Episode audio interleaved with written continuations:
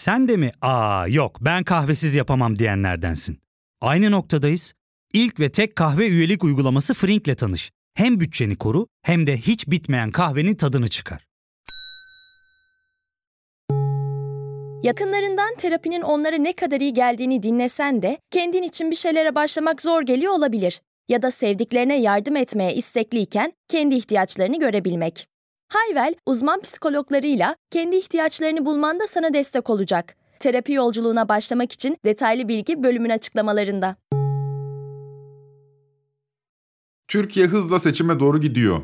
Bir tarafta muhalefet, diğer tarafta iktidar. Bu ikisinin çatışmasını sürekli gözlüyoruz. Her ikisinin de farklı gündemleri var bu aralar. Biri TOG'u konuşmak ya da konuşturmak istiyor. Diğeri suç çetelerinin ülkede cirit attığını söylüyor. Peki gazeteci ne yapmalı? Bu bölümde bir taraftan gündemi paylaşırken öte taraftan da muhalif gazeteciliği masaya yatıracağız. Muhalif avukat, muhalif diş hekimi, muhalif tornacı demeyiz de neden muhalif gazeteci deriz? Gazetecileri muhalif ya da yandaş olarak ayırmak doğru mu? Objektiflik kriterimiz bu iklimde ne kadar ayakta kalabiliyor ya da objektifliği yani nesnelliği bu iklimde yeniden yorumlamak gerekir mi? Bu sorulara bu bölümde cevap aramaya çalışacağız. Elbette alıştığınız üzere geçmiş deneyimlerimizden de faydalanarak. Uzatmayayım ben Ozan Gündoğdu hazırsanız başlayalım.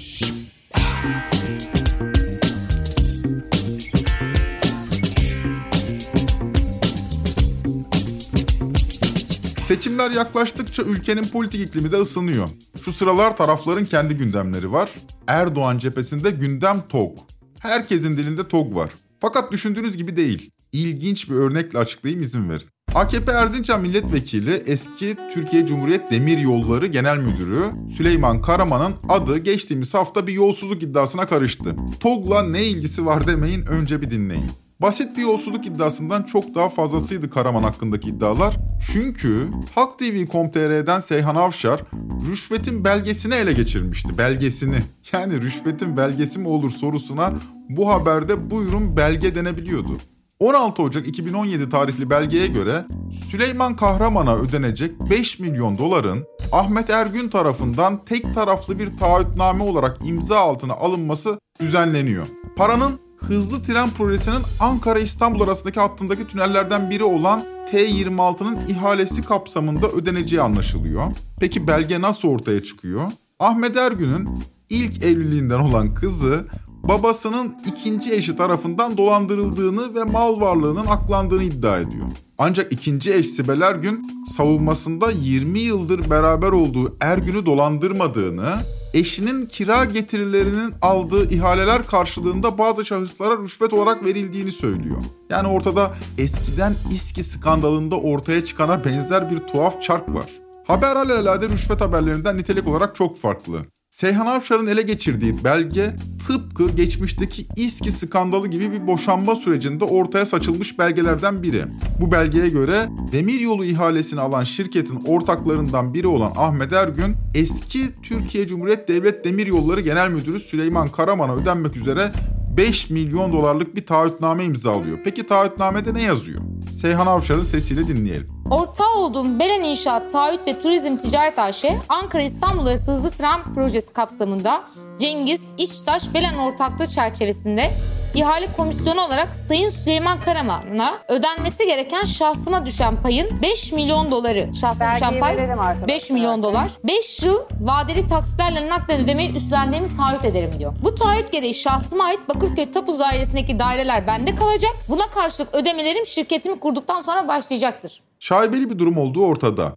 2006'dan bu yana birçok ihaleye konu olan bir projenin müteahhidi aynı dönemde Devlet Demiryolları Genel Müdürü olan Süleyman Karaman'a 5 milyon dolar ödeyeceğini taahhüt eden bir belgeden bahsediyoruz. Peki belge gerçek mi? Yani sahte bir imza atılmış olamaz mı? Olamaz çünkü belge kriminal büroya gönderiliyor. CHP milletvekili Deniz Yavuz Yılmaz da bu kriminal büronun raporunu meclis kürsüsündeki konuşmasında dile getiriyor. Hadi onu dinleyelim. Evrakın sahipleri bunu kriminal büroya göndermiş ve kriminal büro detaylı bir tetkik yapıyor ve diyor ki çok kuvvetli muhtemel bu imza Belen İnşaat'ın ortağına aittir diyor. Şimdi normal şartlarda ne olur? Normal şartlarda şu olur. Karaman için suçludur diyemeyiz direkt. Normal şartlarda Karaman hakkında bir soruşturma başlatılır. Sonucunda ya aklanır ya da cezalandırılır. İşte bu kadar. Tahmin edebileceğiniz üzere bunlar olmadı. Onun yerine Karaman meclis kürsüsünde iddialar tümüyle asılsızdır. Ben zaten 2017'de Devlet Demiryolları'nın genel müdürü değildim dedi ve şöyle devam etti. Siz hızlı treni de durduramayacaksınız. TOG'u da durduramayacaksınız. Marmaray'ı da durduramadınız. Hiçbir şey durduramayacaksınız. Boşuna iftiralarla bir şey olmuş gibi göstermeye çalışmayın. İşte bu kadar. TOG'u durduramayacaksınız. İktidarın gündeminde TOG var derken kastım buydu. TOG bir arzu nesnesine dönüştürülmüş durumda. Geri kalan her şeyin üzerini örtmeye yarayan bir arzu nesnesi. İktidarın gündeminde yoğunluklu olarak TOG vardı. Yakın zamanda da aile düzenlemesi adı altında bir anayasa teklifini konuşmaya başlayacağız. Peki muhalefet cephesinin gündeminde ne var? Ana muhalefet lideri Kemal Kılıçdaroğlu İngiltere'ye gitti ve burada bir kara para temiz para tartışması açtı. Türkiye'nin varlık barışları nedeniyle kara para cennetine dönüştüğünü, kara paranın ülkeyi bir suç batağına çevirdiğini söyledi. Özellikle uyuşturucu kullanımındaki artışın bu gelişmeye bağlı olduğunu ifade etti. Kılıçdaroğlu'nun hedefinde varlık barışları vardı. Nereden getirirsen getir kaynağını sormayacağım denerek getirilen paralar yüzünden suç çetelerinin cirit attığı bir ülkeye dönüştük dedi. Her türlü kara paranın ülkeye girmesine göz yumdular. Getir, nereden getirirsen getir, kaynağını sormayacağım dediler. Ve bu kirli parayı yani milyar dolarları yani uyuşturucu paralarını Türkiye'nin cari açığının finansmanda kullandılar. Kirli paraya yani uyuşturucu baronlarının parasına göz yumarsan, onları Türkiye'ye davet edersen, onlara her türlü imkanı sağlarsan doğal olarak sahipleri de o parayla birlikte Türkiye'ye gelir. Kılıçdaroğlu'nun 31 Ekim'de ifade ettiği suç çetelerinin paralarıyla ülkenin cari açığını finanse ediyorlar iddiası dayanaksız değil. Merkez Bankası verilerine göre net hata noksan olarak ifade edilen Merkez Bankası'nın kaynağını bulamadığı para girişi bu senenin ilk 9 ayında 24 milyar dolara çıkmış durumda. Bu tutarın Cumhuriyet tarihinde daha önce hiç kaydedilmediğini de vurgulayalım. Söz konusu 24 milyarın ülkeye nasıl girdiğine ilişkin de çeşitli spekülasyonlar var. O spekülasyonları uzun uzun dillendirmeyeceğim. Kılıçdaroğlu 31 Ekim'deki bu konuşmasında emniyete ya da jandarmaya herhangi bir suç isnadında bulunmamıştı. Kılıçdaroğlu'nun hedefinde siyasi irade vardı. Özellikle Süleyman Soylu'ya dönük iddialar sıraladı CHP lideri. Fakat İçişleri Bakanı Süleyman Soylu ustalıkla meseleyi tevil ederek emniyet güçlerimize iftira atılıyor dedi. Türkiye Cumhuriyeti Devleti'ne, polisine, jandarmasına, askerine uyuşturucu parası ile cari açığı kapatıyorlar iftirasını atması elbette ki Türkiye Cumhuriyeti Devleti'nin bir vatandaşına yakışır. Kılıçdaroğlu en tepeden siyasi iradenin ekonomik kriz nedeniyle para aradığını, bu parayı ararken varlık barışları yasasıyla, yasalarıyla daha doğrusu suç çetelerinin paralarının yurda sokulduğunu söylüyor. Konunun emniyet güçleriyle hiçbir ilgisi yok. Yani emniyet güçleri sınırda uyuşturucu kaçırıyor falan demiyor. Uyuşturucu parası Türkiye'ye giriyor çünkü varlık barışları var. Para girince çete lideri de kolay giriyor diyor. Kılıçdaroğlu açıklamasında emniyet güçlerine ilişkin hiçbir şey dememişti ama İçişleri Bakanlığı'na bağlı Jandarma Genel Komutanlığı ve Emniyet Genel Müdürlüğü Kılıçdaroğlu'nun iddialarına ilişkin açıklamalar yayınladı, suç duyurusunda bulundu. CHP liderinin açıklamalarına iki kurumdan da tepki geldi. Emniyet Genel Müdürlüğü ile Jandarma Genel Komutanlığı sosyal medya hesaplarından iddialara tepki gösterdi. Yapılan paylaşımlarda Kılıçdaroğlu'nun emniyet ve jandarma teşkilatlarını cari açığı kapatmak için uyuşturucu ticareti yapmakla suçladığı vurgulandı. Açıklamada iftira sahibi hakkında suç duyurusunda bulunuyoruz denildi. Bölümün başında TCDD eski genel müdürü Süleyman Karaman hakkındaki rüşvet iddialarını sunduk sizlere. Konu TOG'u durduramayacaksınız denerek kapandı. Ülkeye kaynağı belirsiz 24 milyar dolar girmiş. Muhalefet lideri bu paranın kaynağını soruyor. Bu meselede emniyet güçleri öne sürülerek kapatılmaya çalışılıyor. Bu konuşmanın ardından CHP lideri İngiltere'ye gitti. Burada da Türkiye'nin varlık barışı düzenlemeleriyle kara para aklamak için elverişli bir ülke olduğunu söyledi. Dinleyelim. Bakın ey çeteler, kaçmayı düşündüğünüz sokaktayım şu an. Ne yaptığınızı, ne yapacağınızı gayet iyi biliyorum. Önce kara parayı Türkiye'ye sokuyorsunuz, yıkayıp, paklayıp günlerce aklıyorsunuz. Sonra dışarı geri çıkarıp aileleriniz için yatırıma çeviriyorsunuz. Ne hala dünya değil mi? Kılıçdaroğlu bu meseleyi gündemine taşıdıktan sonra konuya ilişkin bir haber kamuoyunun gündemine düştü. Habertürk muhabiri Uzay Kesmen olay yerinden canlı bildiriyor. Interpol'ün kırmızı bültenle aradığı Sırp çete lideri Yelko Boyanik cinayet şüphesiyle geçtiğimiz günlerde İstanbul'da gözaltına alındı. İstanbul Organize Suçlarla Mücadele Şube Müdürlüğü ekipleri de Sırp çete liderinin yakalandığı Sarıyer'deki site içerisinde arama yapmaya başladı. Çünkü başlatılan soruşturma kapsamında Yelko Boyanik'in Sırp uyruklu bir başka suç örgütünün üyesi Rosto Mionovic'i öldürdüğü şüphesi üzerinde duruluyor. Bir uyuşturucu hesaplaşması ihtimali üzerinde polis ekipleri duruyor. İki Sırp uyuşturucu çetesi lideri. İkisi de Türkiye'de. Biri öldürülüyor. Katil de böylece gözaltına alınıyor. Kılıçdaroğlu da bu haberi Twitter'da alıntılayarak şunları yazıyor. Kara para sahibini getirir dedim. Dünyanın ne kadar mafya pisliği varsa paralarıyla birlikte şehirlerimize geldi. Şimdi bahçelerde ceset araması yapılıyor. Gördükleriniz denizde sadece bir kum tanesi. Evet böyle demiş. Muhalefetin gündeminde bu konu var yani uyuşturucu meselesi. Bu iki gündemi size sunmamın nedeni biraz farklı. Bu iki konu önümüze düşmeden önce Türkiye gazetecilik mesleğine ilişkin bir soruyu tartıştı. Soru şu. Gazeteci muhalif olur mu? Ya da tersten soralım. Muhalif gazeteci ifadesi doğru bir ifade mi? Sorunun gündeme düşmesinin nedeni Cumhurbaşkanı ve AKP lideri Erdoğan'ın 28 Ekim'de düzenlenen Türkiye Yüzyılı sunumuna muhalif gazetecilerin de tırnak içinde söylüyorum muhalif gazetecilerin de çağrılmış olması. Normalde biliyorsunuz bu tür toplantılara siyasi partiler başta da iktidar partisi olmak üzere akreditasyon uyguluyorlar ve her çevreden gazeteciyi davet etmiyorlar. Bugün sürpriz bir hamle yaptı AK Parti ve muhalif kendilerini muhalif olarak adlandıran veya muhalif medya mecralarında çalışan gazetecileri de AK Parti Medya ve Tanıtım Başkanı ve Genel Başkan Yardımcısı Hamza da arayarak davet etti. Böylece muhalif gazeteci ifadesi yaygınlık kazanıyor. Şimdi burada biraz duraksayalım ve sizinle biraz dertleşelim. Bölüm boyunca bu zamana kadar dinlediğiniz haberleri bir miktar yorum katarak sundum sizlere. Yorum yaparken zihninizi manipüle etmemeye gayret gösterdim. Bunlar benim nazarımda altını çiziyorum. Benim nazarımda önemli haberlerdi.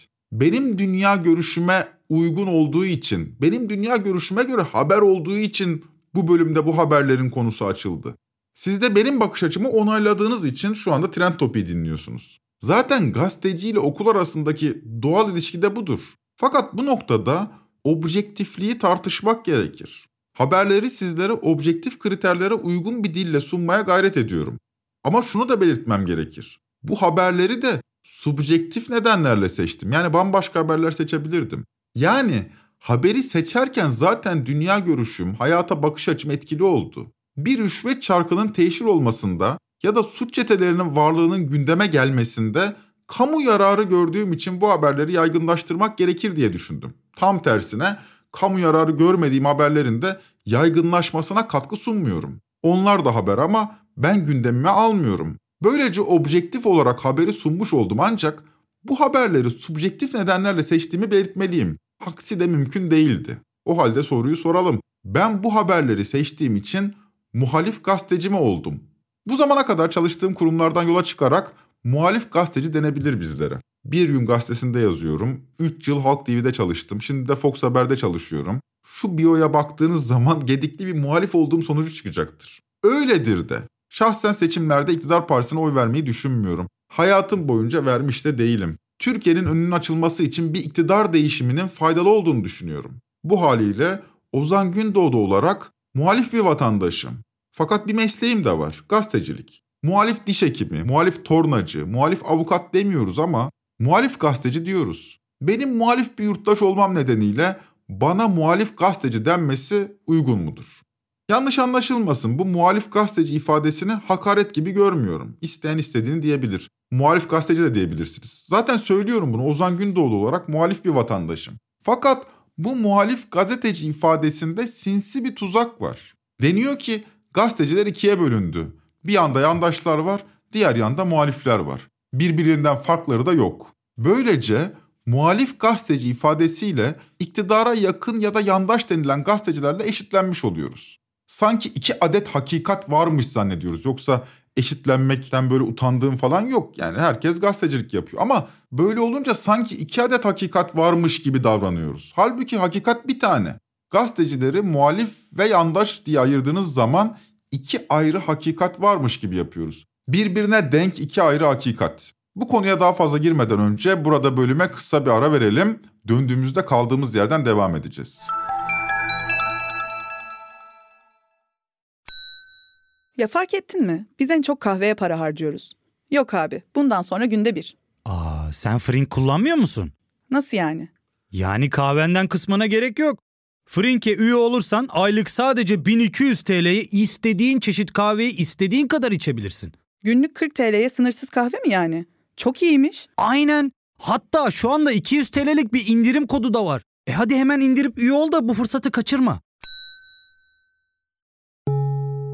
Terapiye başlamak, içinden çıkamadığın döngüleri kırmak, bazı yanlış bulduğun kararlarını değiştirmek ve kendinle beraber daha huzurlu bir yaşam inşa etmek için atabileceğin en değerli adımlardan biri. Hayvel ile yoğun yaşam tempona uyum sağlayarak online terapi seanslarını takvimine göre ayarlayabilirsin. Bini aşkın uzmandan sana en uygun terapisti seçebilir, PodB10 koduyla indirimden yararlanabilirsin. Detaylı bilgi açıklamalardaki bağlantıda. Aradan önce biri muhalif, diğeri yandaş olmak üzere zihinlerde ikiye bölünen bir gazetecilik anlayışı olduğundan bahsediyordum. Sosyal medya fenomeni Cahreyn de Oğuzhan Uğur'un son yayınında bu çerçeveyi sunmuş bizlere. Dinleyelim. Şunu söylemek istiyorum. Bu aslında tek taraflı bir şey değil. Konvansiyonel medyada Halk TV gibi muhalif kanal terimini Uğur abi beğenmiyor ama ben çok beğeniyorum. Çünkü Halk TV gibi kanallarda onlar da tek taraflı. Arkamdaki arkadaşlarımın çoğu bana bu konuda hak verecekler. A Haber'den pek bir farkı olduğunu düşünmüyor insanlar. Çünkü onlar da tek taraflı bakıyorlar. Son derece popüler bir ifadedir. Halk TV ile A Haber arasında fark yok. Buradan hareketle ha yandaş gazeteci ha muhalif gazeteci her ikisi de tek taraflı bakıyor denebiliyor. Peki hakikat? Gazetecinin görevi hakikat değil mi? Hakikat iktidara yaramıyorsa hakikati sununca neden sadece gazeteci değil de muhalif gazeteci diyoruz? Bir tornacıya, bir mimara ya da bir doktora muhalif deme ihtiyacı duymuyoruz da neden gazeteciye muhalif diyoruz? Muhalif diş hekimi mesela. Ne kadar tuhaf geliyor kulağa değil mi? Öyle ya da böyle bu tuzağa düştük. Cahreyn iddiasını şöyle ileriye taşıyor ve Uğur Dündar'la bir polemik yaşıyor. Dinleyelim. Yoksa hiçbir gazeteci bu mesleğe muhalif olmak için başlamaz. Çünkü muhalifin de yandaşın da doğrusu tek olmalı. Ama işte doğru Halk TV'de de yok mesela bundan bahsediyorum. Siz Halk TV'nin CHP'yi eleştirdiğini, Kemal Kılıçdaroğlu'nun enflasyonun en yüksek açıklandığı günde başörtüsüyle yeni bir gündem çıkardığı ile ilgili bir kötü negatif yorumunu gördünüz. Ben görmedim mesela. Böyle bir akıl tutulması olabilir mi? Genel kanı budur. Muhalif kanallar var, muhalif gazeteciler var ve bunlar tıpkı iktidara yakın gazeteciler nasılsa öyledir. Bu arada konu Halk TV'de şöyle tartışılıyor. Levent Gültekin'e kulak verelim. Burada konuştuğumuzda veyahut gazetecilerden şöyle yorumlar geliyor. Altılı masaya zarar veriyorsunuz. Değil mi? Sen de duyuyorsun, ben de duyuyorum. Bazı siyasetçiler için de söyleniyor. Aman altılı masaya çok zarar veriyor. Bugün Meral Hanım'ı dinlerken düşündüm. Altılı masaya kim daha çok zarar veriyor mesela? Biz mi daha çok zarar veriyoruz, liderlerin kendileri mi? Şimdi mesela Kemal Bey'in bu topluma bir izahat borcu var. Gerçekten söylüyorum. Başörtüsü yasasını niçin altı, yani teklifini niye altılı masadan konuşmadan kamuoyuna açıklama ihtiyacı hissetti? Meral Hanım orada haklı. Şimdi sen Meral Hanım diyorsun ki telefon açıp sorması lazımdı. Ben Meral Hanım'ın yerinde olsam kardeşim bana da, ben altılı masada ortağıyım. Bana bile sormamışsa ben niye açıp sorayım ki kendisine derim. Yani genel kanı da doğru değil. Bir algı bu. Yani muhalefet eleştirilmiyor diye bir şey yok. Saçma sapan bir iddia bu. Hatta birçok gazeteci Halk TV'de, KRT'de, Tele1'de ya da muhalif denilen bütün kanallarda tarafsız görünmek adına iktidarı eleştirdikten sonra bir de muhalefeti eleştirme ihtiyacı duyuyor. Futbol hakemi psikolojisi gibi. Birine penaltı verdim diğerine vereyim misali. Fakat bu tartışmalar bizi hakikatten uzaklaştırıyor. Objektiflik ile tarafsızlığı birbirine karıştırıyoruz. Şimdi bağlamı tümüyle değiştireceğim. Bunu objektifliği daha rahat tartışabilmek adına yapacağım. Bekir Ardır'ı tanıyorsunuzdur. Kendisi Kamuoyu Araştırma Kuruluşu KONDA'nın eski genel müdürü. Bekir Bey Karar TV'de Taha Akyol'un programına konuk olmuş, seçimlerin ikinci tura kalması halinde Erdoğan'ın seçimi kazanacağını söylüyor. Neden diye soruyor Taha Akyol. Nedenini Bekir Bey şöyle anlatıyor. HDP kendi adayını çıkarırsa iş ikinci tura kalır. Kalır. O zaman mı? da ikinci turda Tayyip Bey seçimi bırakmaz. Yani Yani Kazanır. ikinci turu kazanır. yani HDP'nin oyları Tayyip Bey'e mi gider? Hayır, sadece Tayyip Bey'e gitmez ama seçime katılma oranı düşer. Şimdi birkaç şey bir arada çalışır. Birincisi Tayyip Bey ve o seçim aradaki 15 gün. 7 Haziran'dan 1 Kasım arasında olduğu gibi 2015'te. Öylesine sert geçer ki, o kadar cüretkarca, hoyratça, Maalesef. bütün tarihimizi ve toplumsal dokumuzu alt üst edecek sertlikte bir 15 gün yaşarız. Muhalefet kazansa bile yönetemeyeceğimiz bir ülkeyle karşı karşıya kalırız. İki, gençler ya da Kürtlerin bir kesimi seçimi boykot edebilir. İkinci tura kalırsa. Öcalan böyle bir çağrı yapabilir. E, falan. Mahalli Her şey gördük. manipüle edilebilir. Yani sadece iktidar açısından değil. Başka yabancı güçler, servisler, PKK herkes manipüle edebilir. Yani illa iktidar yapacak anlamında da söylemiyorum. Dolayısıyla birinci turda işin bitirilmesi lazım. Diyor ki Bekir Bey, seçim ikinci tura kalırsa ülke öyle bir hale gelebilir ki gençler ya da Kürtler seçimi boykot edebilir. Ya peki ülke ne hale gelebilir? Gelin objektif biçimde hakikate ulaşmaya çalışalım. Hayal gücümüzü biraz zorlayalım. Düşünelim yani. Diyelim ki seçimlerin ilk turu bitti. Erdoğan %45 aldı. Rakibi de %45 aldı. HDP de aday çıkardı. Onun adayı da %10 aldı. İlk turda kazanan yok ve seçimler ikinci tura kaldı. Artık sadece Erdoğan ve rakibi yarışacak ancak Erdoğan'ın işi ikinci turda çok zor. Peki ne olabilir? Ne olabileceğini bilmiyoruz ama neler olabileceğine ilişkin fikirlerimizi geçmiş deneyimlerimiz belirliyor. Gelin 7 yıl öncesine gidelim. Tarih 5 Haziran 2015. 7 Haziran seçimlerine 48 saatten az zaman kalmış. HDP seçimlere ilk kez parti adıyla giriyor. Barajı aşarsa AKP'nin tek başına iktidar olma iddiası çok büyük ihtimalle suya düşecek. Kamuoyu araştırmaları da bunu ortaya koyuyor. HDP eş genel başkanı Selahattin Demirtaş Diyarbakır'da 5 Haziran'da bir final mitingi düzenliyor. Yüz binleri bulan kalabalık coşkulu bir miting meydanı. Meydanda toplanmış Demirtaş'ı beklerken ben de televizyon başında mitingi takip ediyordum. Birden şu sesleri duymaya başladım. Ambulans Havallo ambulans. Havallo. Müzik yapıp bakın. Müzik yapıp bakın. Ambulans. Ambulans Havallo. Ambulans, nerede? ambulans. Diyarbakır'da seçime 48 saat kala yüz binlerin ortasında bir bomba patlatılmıştı. 5 kişi hayatını kaybetmiş, onlarca insan yaralanmıştı. Uzuvlarını kaybeden ağır yaralılar vardı. Diyarbakır karışmıştı. Kentte büyük bir öfke seli vardı. HDP bu öfkeyi dizginleyebilecek miydi? Ya da dizginleyecek miydi? Patlamadan sonraki bir iki saat içinde kamuoyu seçimlerin gerçekleşip gerçekleşmeyeceğini tartışmaya başlamıştı bile. Tüm Kürt illerinde yaşanabilecek bir ayaklanma halinde bölgede seçim sandıkları nasıl kurulacaktı? Seçime 48 saat vardı. Böyle bir belirsizliğin yaşandığı o esnada akşam saatlerinde devreye Selahattin Demirtaş girdi. Öfkenizi kontrol edin ve evinize dönün dedi Demirtaş. Partinin gençliğine olan ricasını bir talimat olarak duyurdu.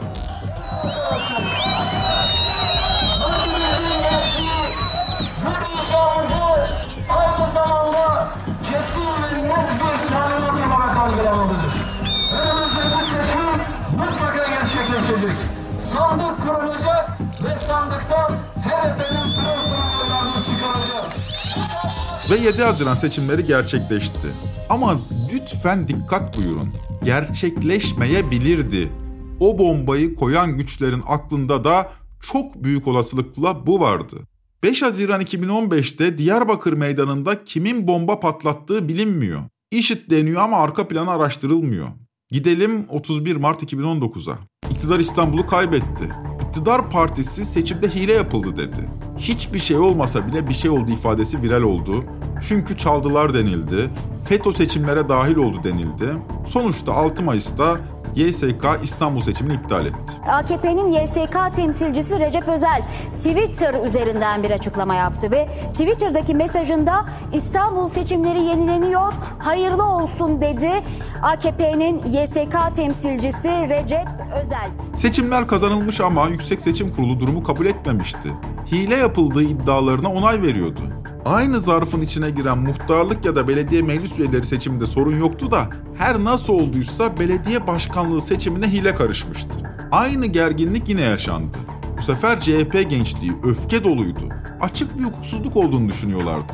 İstanbul için 23 Haziran'da yeniden seçim yapılacaktı. Peki seçimleri boykot etmek mi gerekirdi? Birçok isme göre yeniden seçime girmenin artık bir anlamı kalmamıştı. Açık bir hukuksuzluk söz konusuydu. Ekrem İmamoğlu akşamına bir miting düzenledi. Yolumuz uzun, gençliğimiz var, vazgeçmeyeceğiz dedi. Yeni seçim startını verdi. Yolumuz uzun, heyecanımız yüksek, gençliğimiz var, gençliğimiz var. Biz adalete susamış, demokrasiye inancı tam, Türk gençliğiyiz. Bu millete özgürlüklerine, demokrasisine kimse ama kimse engel olamaz. Bu ülkede karar vericiler gaflet, dalalet, hatta ihanet içinde olabilirler. Ama biz asla vazgeçmeyeceğiz. Asla vazgeçmeyeceğiz. İstanbul seçimi iptal edildi ama bu zamana kadar bu seçimde hile yapıldığına ilişkin tek bir tahkikat yapılmadı. Bu seçimin neden iptal edildiğini bilmiyoruz. Hile yapıldıysa yapan nerede? Oy çalındıysa çalan nerede? Neredeyse herkes kararın adaletsiz olduğunu biliyor, politik olduğunu biliyor. Biliyor da nasıl bir güçle bu karar aldırılabiliyor? 2015'te Erdoğan Cumhurbaşkanıydı. Biz Başbakan ve Bakanlar Kurulu'nu seçiyorduk. Yani Erdoğan'ın koltuğu riskte değildi. 2019 ise yerel seçimdi. Belediye başkanlarını seçtik. Yani ne 2015'te ne de 2019'da Erdoğan'ın kendisini oyladık. Fakat önümüzdeki seçimlerde bizzat Erdoğan'ın kendisini oylayacağız. Doğrudan doğruya Erdoğan kalsın mı gitsin mi diye soracağız ve gerim gerim gerilmiş haldeyiz. Şimdi size soruyorum bu endişe hakiki bir endişe değil midir? Bu endişeyi dillendirenlere gazeteci mi diyeceğiz yoksa tarafgirlik vurgusu yaparak muhalif gazeteci mi diyeceğiz? Bu haliyle Cumhurbaşkanlığı hükümet sistemini eleştirince tarafsızlığımızdan mı olacağız? Bu ülke her 5 yılda bir böyle bir endişeyi yaşayacak mı? Ya buna kimin hakkı var? Böyle bir endişeyi taşımayanlar da yok canım iktidar demokrasiye saygılıdır diyenler tarafsız mı? Objektif mi diyeceğiz onlara? Onlar objektif oluyor da iktidar demokrasiye saygı duymuyor diyenlere taraflılar mı diyeceğiz? Muhalif mi diyeceğiz onlara? Ya da hiç bu konulara girmeden önümüze konanı yemek midir objektif gazetecilik? E değildir elbette. Gazetecinin görevi nedir? Gazetecinin görevi hakikate ilişkindir. Ham hakikatte şudur. Mevcut iktidar demokrasinin kurumlarına hatta sandığa dahi saygı duymuyor. Yargı ve yasama güçleri yürütme erkinin çeşitli boyutlarda kontrolü altında. İktidar tabanı seçimleri bir milli güvenlik meselesi olarak okuyor ve sandık sonuçlarına saygı duymayabilecek bir psikolojiye sahipler. Açık açık tablo şu, ham hakikat şu. Türkiye açık faşizmle demokrasi arasında arafta kalmış durumda. Bunu tümüyle tarafsız, tümüyle objektif kriterler çerçevesinde söylüyorum. Dayanaklarım da var. Mesleğimi ortaya koyarak bir hakikati dillendiriyorum. Ham hakikat buysa eğer, bu hakikati dillendirenlere taraflı yayıncılık yapıyorsun mu demeliyiz. Bakın altını çiziyorum, bir şartlı cümle kuruyorum. Ham hakikat eğer buysa, yani eğer ben haklıysam, bu hakikati dillendirdik diye muhalif gazeteci mi olacağız? Ya da tersten soralım. Ham hakikat bu ama bu hakikati tarafsızlık adına yutalım mı? Yani bunu söyleyince tarafsızlıktan vaz mı geçmiş oluyoruz? Elbette hakikate değmeyen muhalif yayınlarda görüyoruz. Yani o hem de ne biçim. Yani muhalif ama dedikleri uydurma, özensiz, manipülatif vesaire vesaire. Ama böyle bir gazetecilik üredi diye tüm gazetecileri muhalif ve yandaş diye ayırmak ne kadar doğru. Bu yüzden lütfen bu muhalif gazeteci ifadesini kullanırken bir daha düşünün. Trend Topi'yi Podbi Medya ile beraber hazırlıyoruz. Bir sonraki bölüme kadar aydınlık, demokrat, eşit ve özgür yarınları olan hayaliniz solmasın. Hoşçakalın.